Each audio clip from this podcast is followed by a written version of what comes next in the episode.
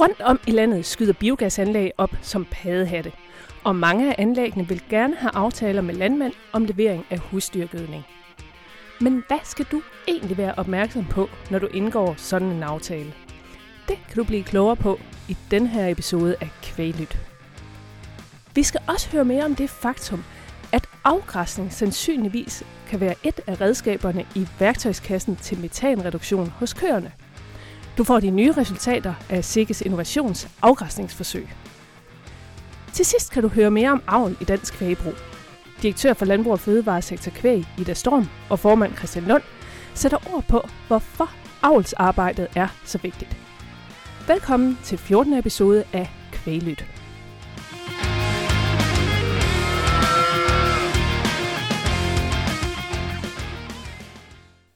Jamen, jeg vil gerne starte med at byde velkommen til dig, Morten H. Jensen.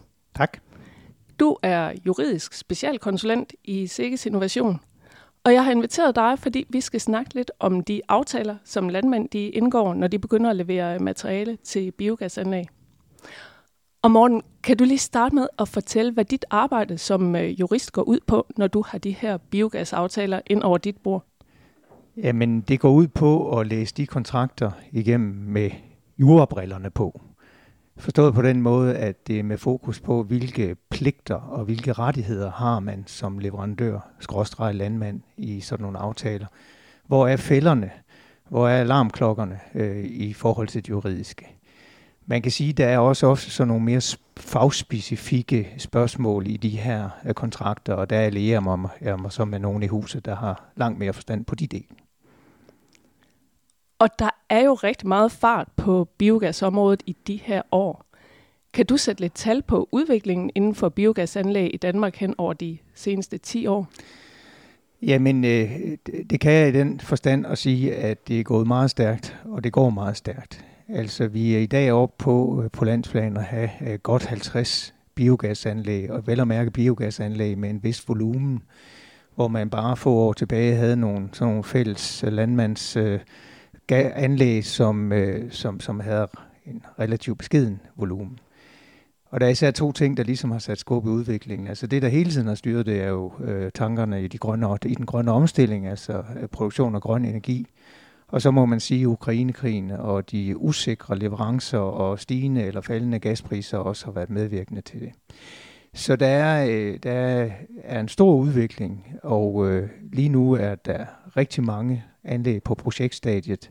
Ikke dermed sagt, at de alle sammen bliver til noget, men der er nogen, der er på tegnebrættet, der er nogen, der ansøges tilladelse til, og der er nogen, hvor de nærmest står med skovlen klar til at, at begynde at grave jorden fri til at bygge det. Så det lyder til, at udviklingen den fortsætter, øhm, og det betyder jo også bare, at der bliver endnu mere bud efter landmændene som leverandører. Så kan du hjælpe os med at sætte lidt ord på, hvad er det som landmand, man skal være særlig opmærksom på, når man indgår de her leverandøraftaler? Jamen, helt overordnet, så er det vigtigt at gøre sig klar, at dem, man nu indgår aftalen med, altså biogasanlægget, er dem, der laver, har lavet den her kontrakt, man får præsenteret. Og dermed skal man også være opmærksom på, at den er skrevet med biogas øh, selskabets interesser for øje. Der er også indimellem tale om nogle kontrakter, hvor man har fået et stort og forkromet advokatfirma til at hjælpe sig, øh, men hvor det er tydeligt, at det firma ikke, advokatfirma ikke har forstand på biogas. Øh, og dermed så bliver det nogle øh, kontrakter, der indeholder en masse ord omkring øh, både det ene og det andet, meget juridisk specifikke, men hvor man måske ikke har fokus på øh, sådan de enkelte rettigheder, man har.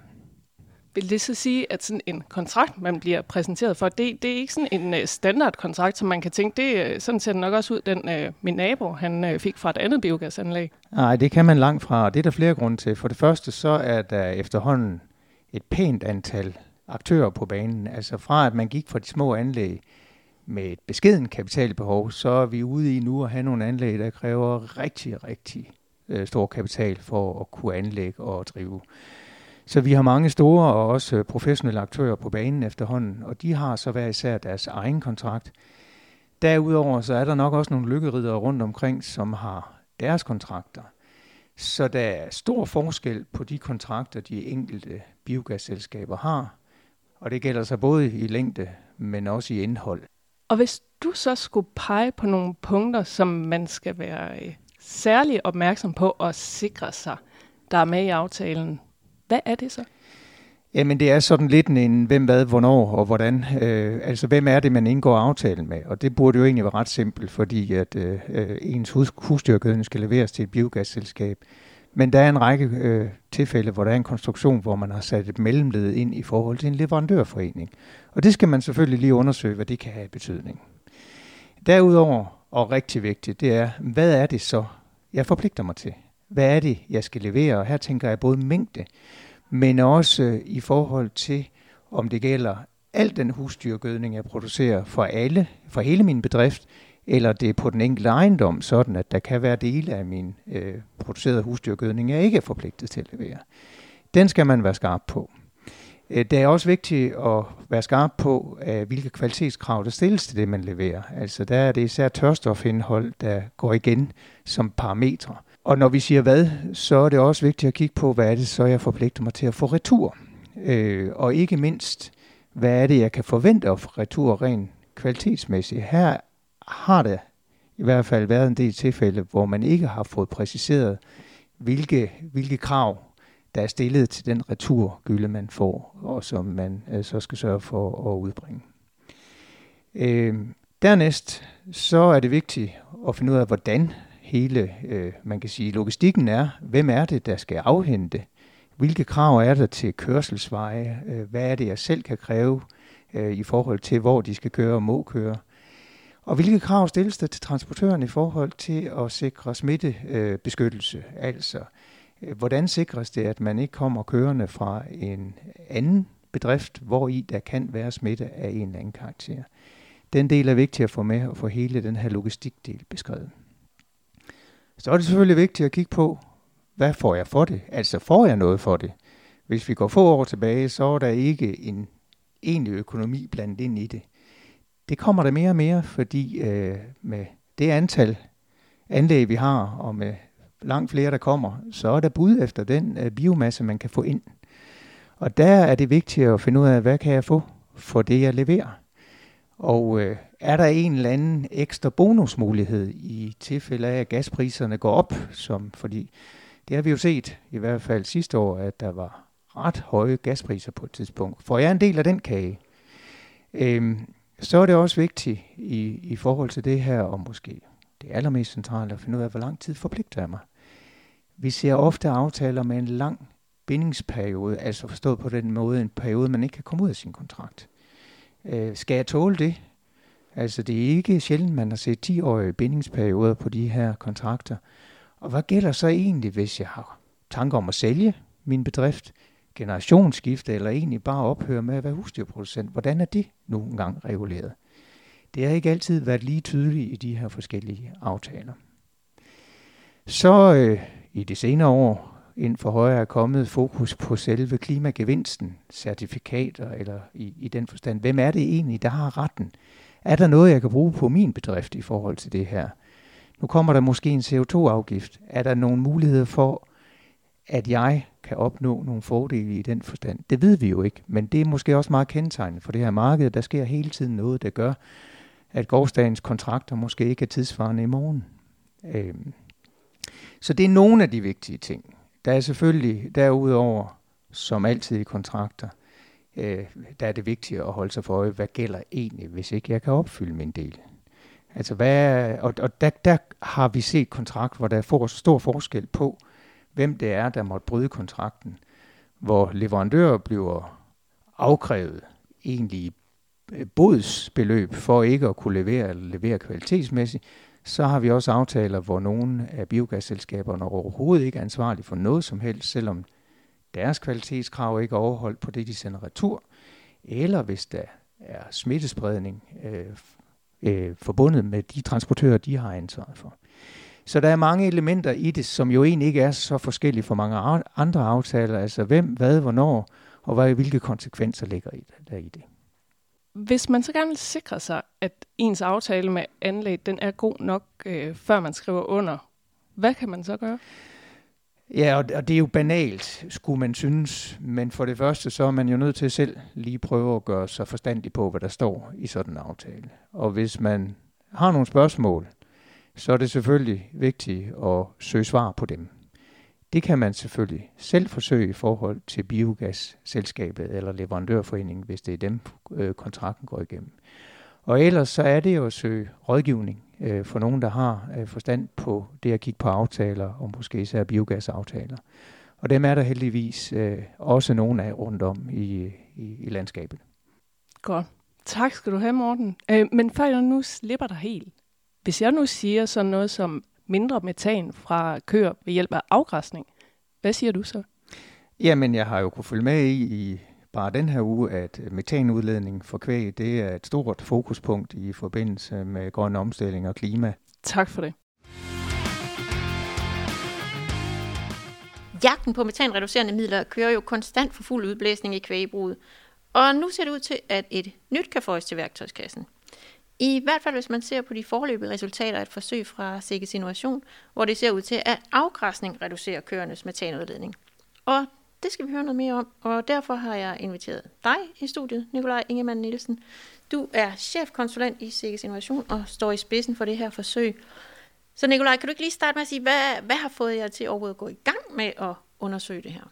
Jo, det er jo øh, blandt andet, at øh, der ligger nogle øh, nye hollandske forsøg, hvor man har haft kør både på afgræsning i 24 timer i døgnet, og så har man haft kør på, på stald og der har man målt metan, både når de er ude på græs og når de er inde på, på stald. Og der har man set øh, nogle meget opløftende tal, som viser, at øh, køerne har en metanproduktion, som er op til øh, 30% lavere øh, på visse tidspunkter af året, når køerne græsser, frem for at få ensilage på, på stald. Mm. Og, og, og hvordan har I så øh, lavet den her undersøgelse i Danmark? Jamen, vi har øh, tilsvarende metanudstyr, metanmåleudstyr, som man har i Holland, og det har vi så øh, i år øh, sat ud i øh, fire besætninger. Så vi har målt øh, metan øh, både før øh, udbinding og øh, efter udbinding, og så nu her igen, lige som vi snakker nu her, er vi så i gang med at måle øh, øh, i en periode, hvor, hvor græsoptagelsen er ret lav, og hvor også nogle, i, i, nogle af besætningerne er kørende faktisk allerede øh, inde på stallen nu. Okay, og, og så I er ret langt med det her forsøg, så, så nu må du hellere afsløre, hvor stor reduktion har I fundet under danske forhold? Ja, vi, vi sidder lige nu og, og, og kigger på data og gør data op, øh, øh, så det, det er selvfølgelig med, med lidt forbehold og, og, og lidt øh, forløb i data, men, men vi kan se, at køerne har en lavere metanudskillelse øh, i øh, maj og juni, øh, når de er på, øh, på græs. Hvor meget? Ja, altså det, det er lidt forskelligt mellem de her besætninger, men op til 20 procent øh, har vi set i, øh, i maj måned. Men vi kan også se, at det aftager, når vi kommer længere hen. Så i juni måned, der er det i, i nogle besætninger de her 5-10 procent, og, og når vi kommer hen i juli, og august og september, jamen så har vi ikke øh, så har vi ikke de store indikationer på, at, øh, at metanreduktionen er, er, er markant lavere, end, end når køerne er på stald. Så der, er, der ser ud til at være en sæsonvariation i, i den her reduktion i metan. Og, og hvad er det, der gør, at man ser den her øh, sæsonvariation i metanudledningen? Jamen det er øh, helt sikkert forbundet med, øh, hvor meget græs køerne æder ude, så, så vi ser typisk, når vi har fulgt de her besætninger øh, og, og beregnet, hvor meget græs de tager derude køerne, at så har vi en højere græsoptagelse i tidligere på året, det vil sige der i maj og juni måned, hvor vi også ser den, den, den større reduktion i metan, og så har vi en, en, en lidt mindre øh, græsoptagelse, når vi kommer længere hen på sæsonen. Men der er også noget omkring græssets egenskaber, som formentlig kan, kan forklare den her øh, øh, sæsonvariation, vi ser i, øh, i metanreduktionen. Og det er ikke mindst noget omkring øh, øh, fiberegenskaber ved græsset. Altså vi ser en høj fordøjelighed af, af, af, af fiberne og en formentlig en høj øh, nedbrydelighed, øh, omsætning af de her fiber i græs i, i, maj, øh, i maj måned især. Og man har også kædet det sammen med, at øh, når køerne optager det her meget øh, let fordøjelige øh, øh græs, så øh, er der et lavere pH i vommen, som muligvis kan øh, forklare, eller det vil være naturligt, at det forklarer øh, faldet i, øh, i, øh, i metan, fordi at øh, de bakterier, der producerer metan, de er ikke så aktive, når, når pH er, er lavere i vommen. Og så har vi også, øh, øh, det har vi ikke helt fået tal på endnu, men, men, men øh, vi, vi, øh, vi følger, vi har nogle prøver, hvor vi har taget ud undervejs i, i græssæsonen, hvor vi vil kigge på, hvordan har fedtsyresammensætningen været, og også hvordan har øh, nitratindholdet i, i græsset været, fordi det er også faktorer, der kan forklare øh, eller påvirke øh, køernes metanudskillelse. Så der er flere der er flere faktorer i spil, og, og, det, og det er formentlig kombinationerne af de ting her, der, der, der, giver, øh, der giver den her reducerede øh, metanudledning, specielt i, i maj og juni måned. Ja, så, så, så hvis vi skal opsummere, så er det græssets egenskaber, der ændrer sig hen over sæsonen. Og det er de egenskaber, der egentlig betinger den her reduktion af metanen. Øhm, og op til 20 procent, det, det, det lyder jo som en markant reduktion, men, men hvis det sådan ligesom skal fordeles som en samlet årlig reduktion, hvad, hvad lander vi så på?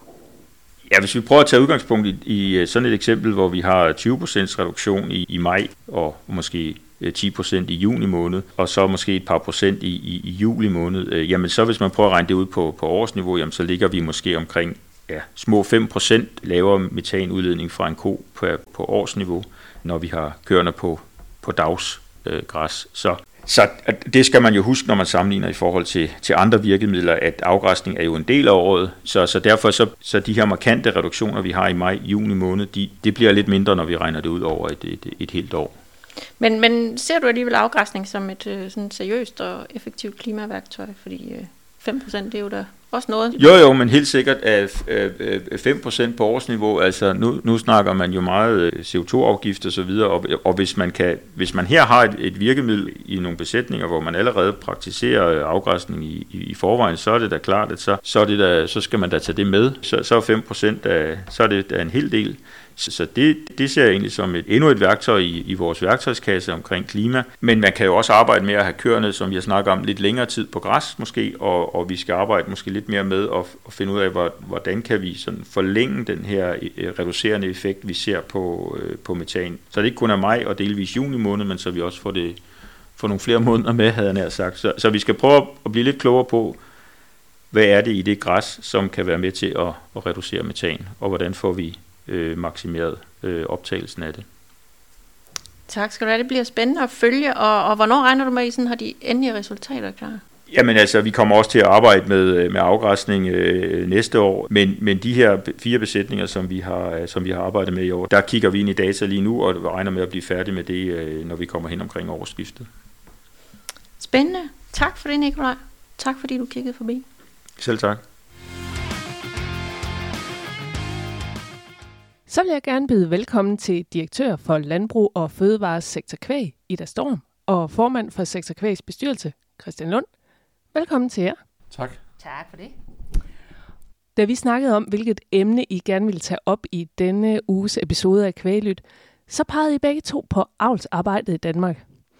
For Ida, du sidder også med i Nordisk Avlsværdivurdering, også kaldet NAVs bestyrelse, mens du, Christian, sidder med i Viking Danmarks bestyrelse.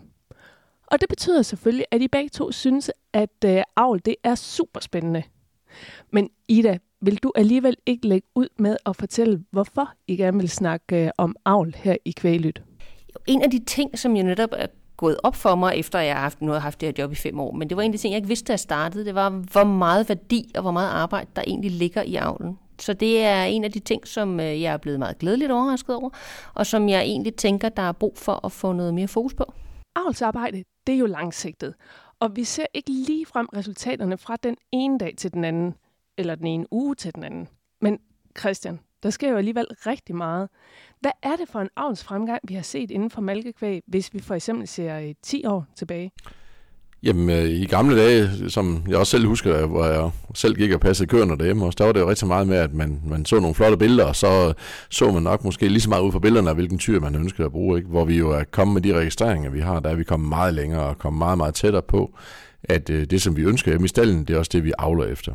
Og jeg synes også, at vores avlsselskab, altså i Viking, har været dygtige til at fortælle os øh, både med, med grafer og med tal og økonomi, hvad er det, vi skal afle efter ude på den enkelte gård, så vi undgår køre med EU-betændelser og andre ting. Altså hele S-index øh, omkring, hvordan det vi sammen med hinanden kan gøre det endnu bedre. Og der tænker jeg, at det er også, at vi bruger kønssorteret sæd, og vi er blevet dygtigere til også at bruge øh, så vi faktisk inden vi inseminerer konen, der har styr på, hvor, hvor skal det individ, der kommer her efterfølgende, hvor skal det hen?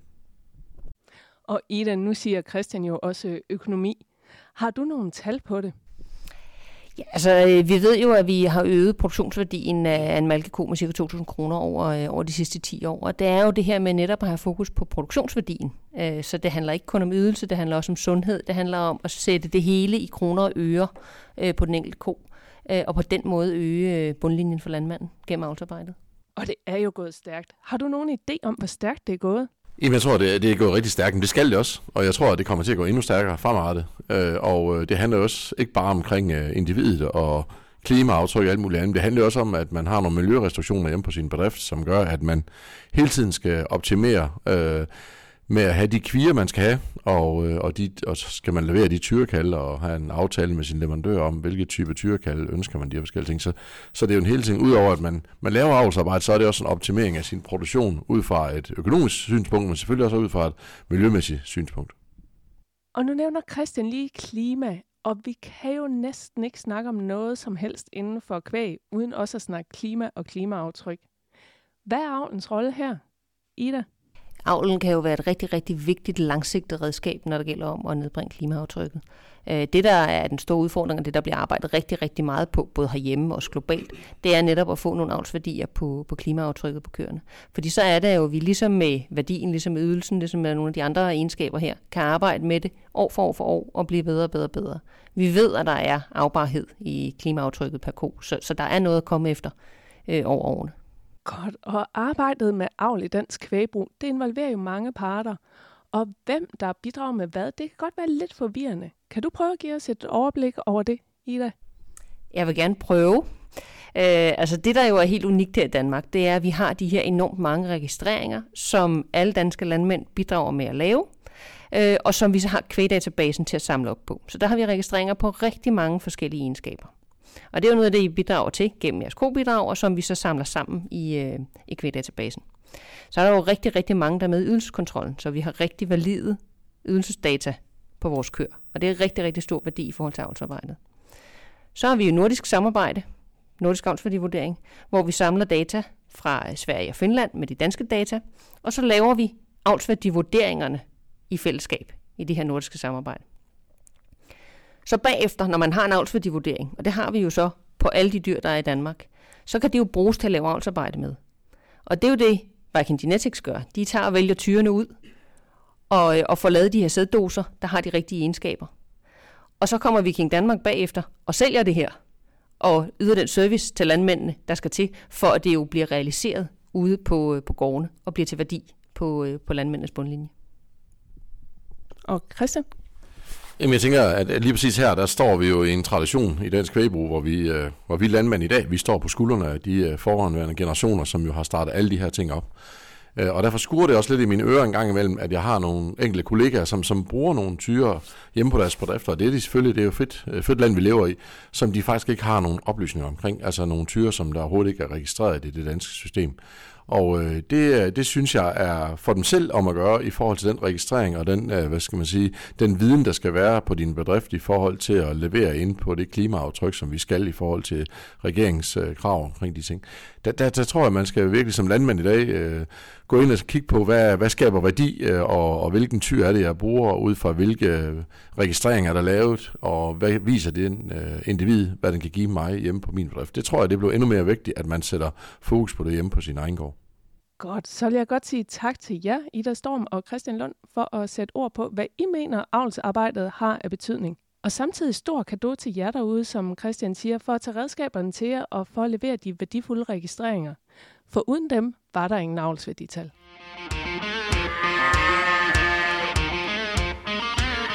Det var, hvad vi havde valgt at bringe i kvælet denne gang. Hvis du ikke allerede følger kanalen, så se om der ikke er en lille knap, der hedder følg eller abonner på din øh, telefon, der hvor du lytter til Kvælyt. Hvis du klikker på den, så får du helt automatisk en melding på din telefon næste gang, der kommer en ny episode i luften. Tak fordi du lyttede med.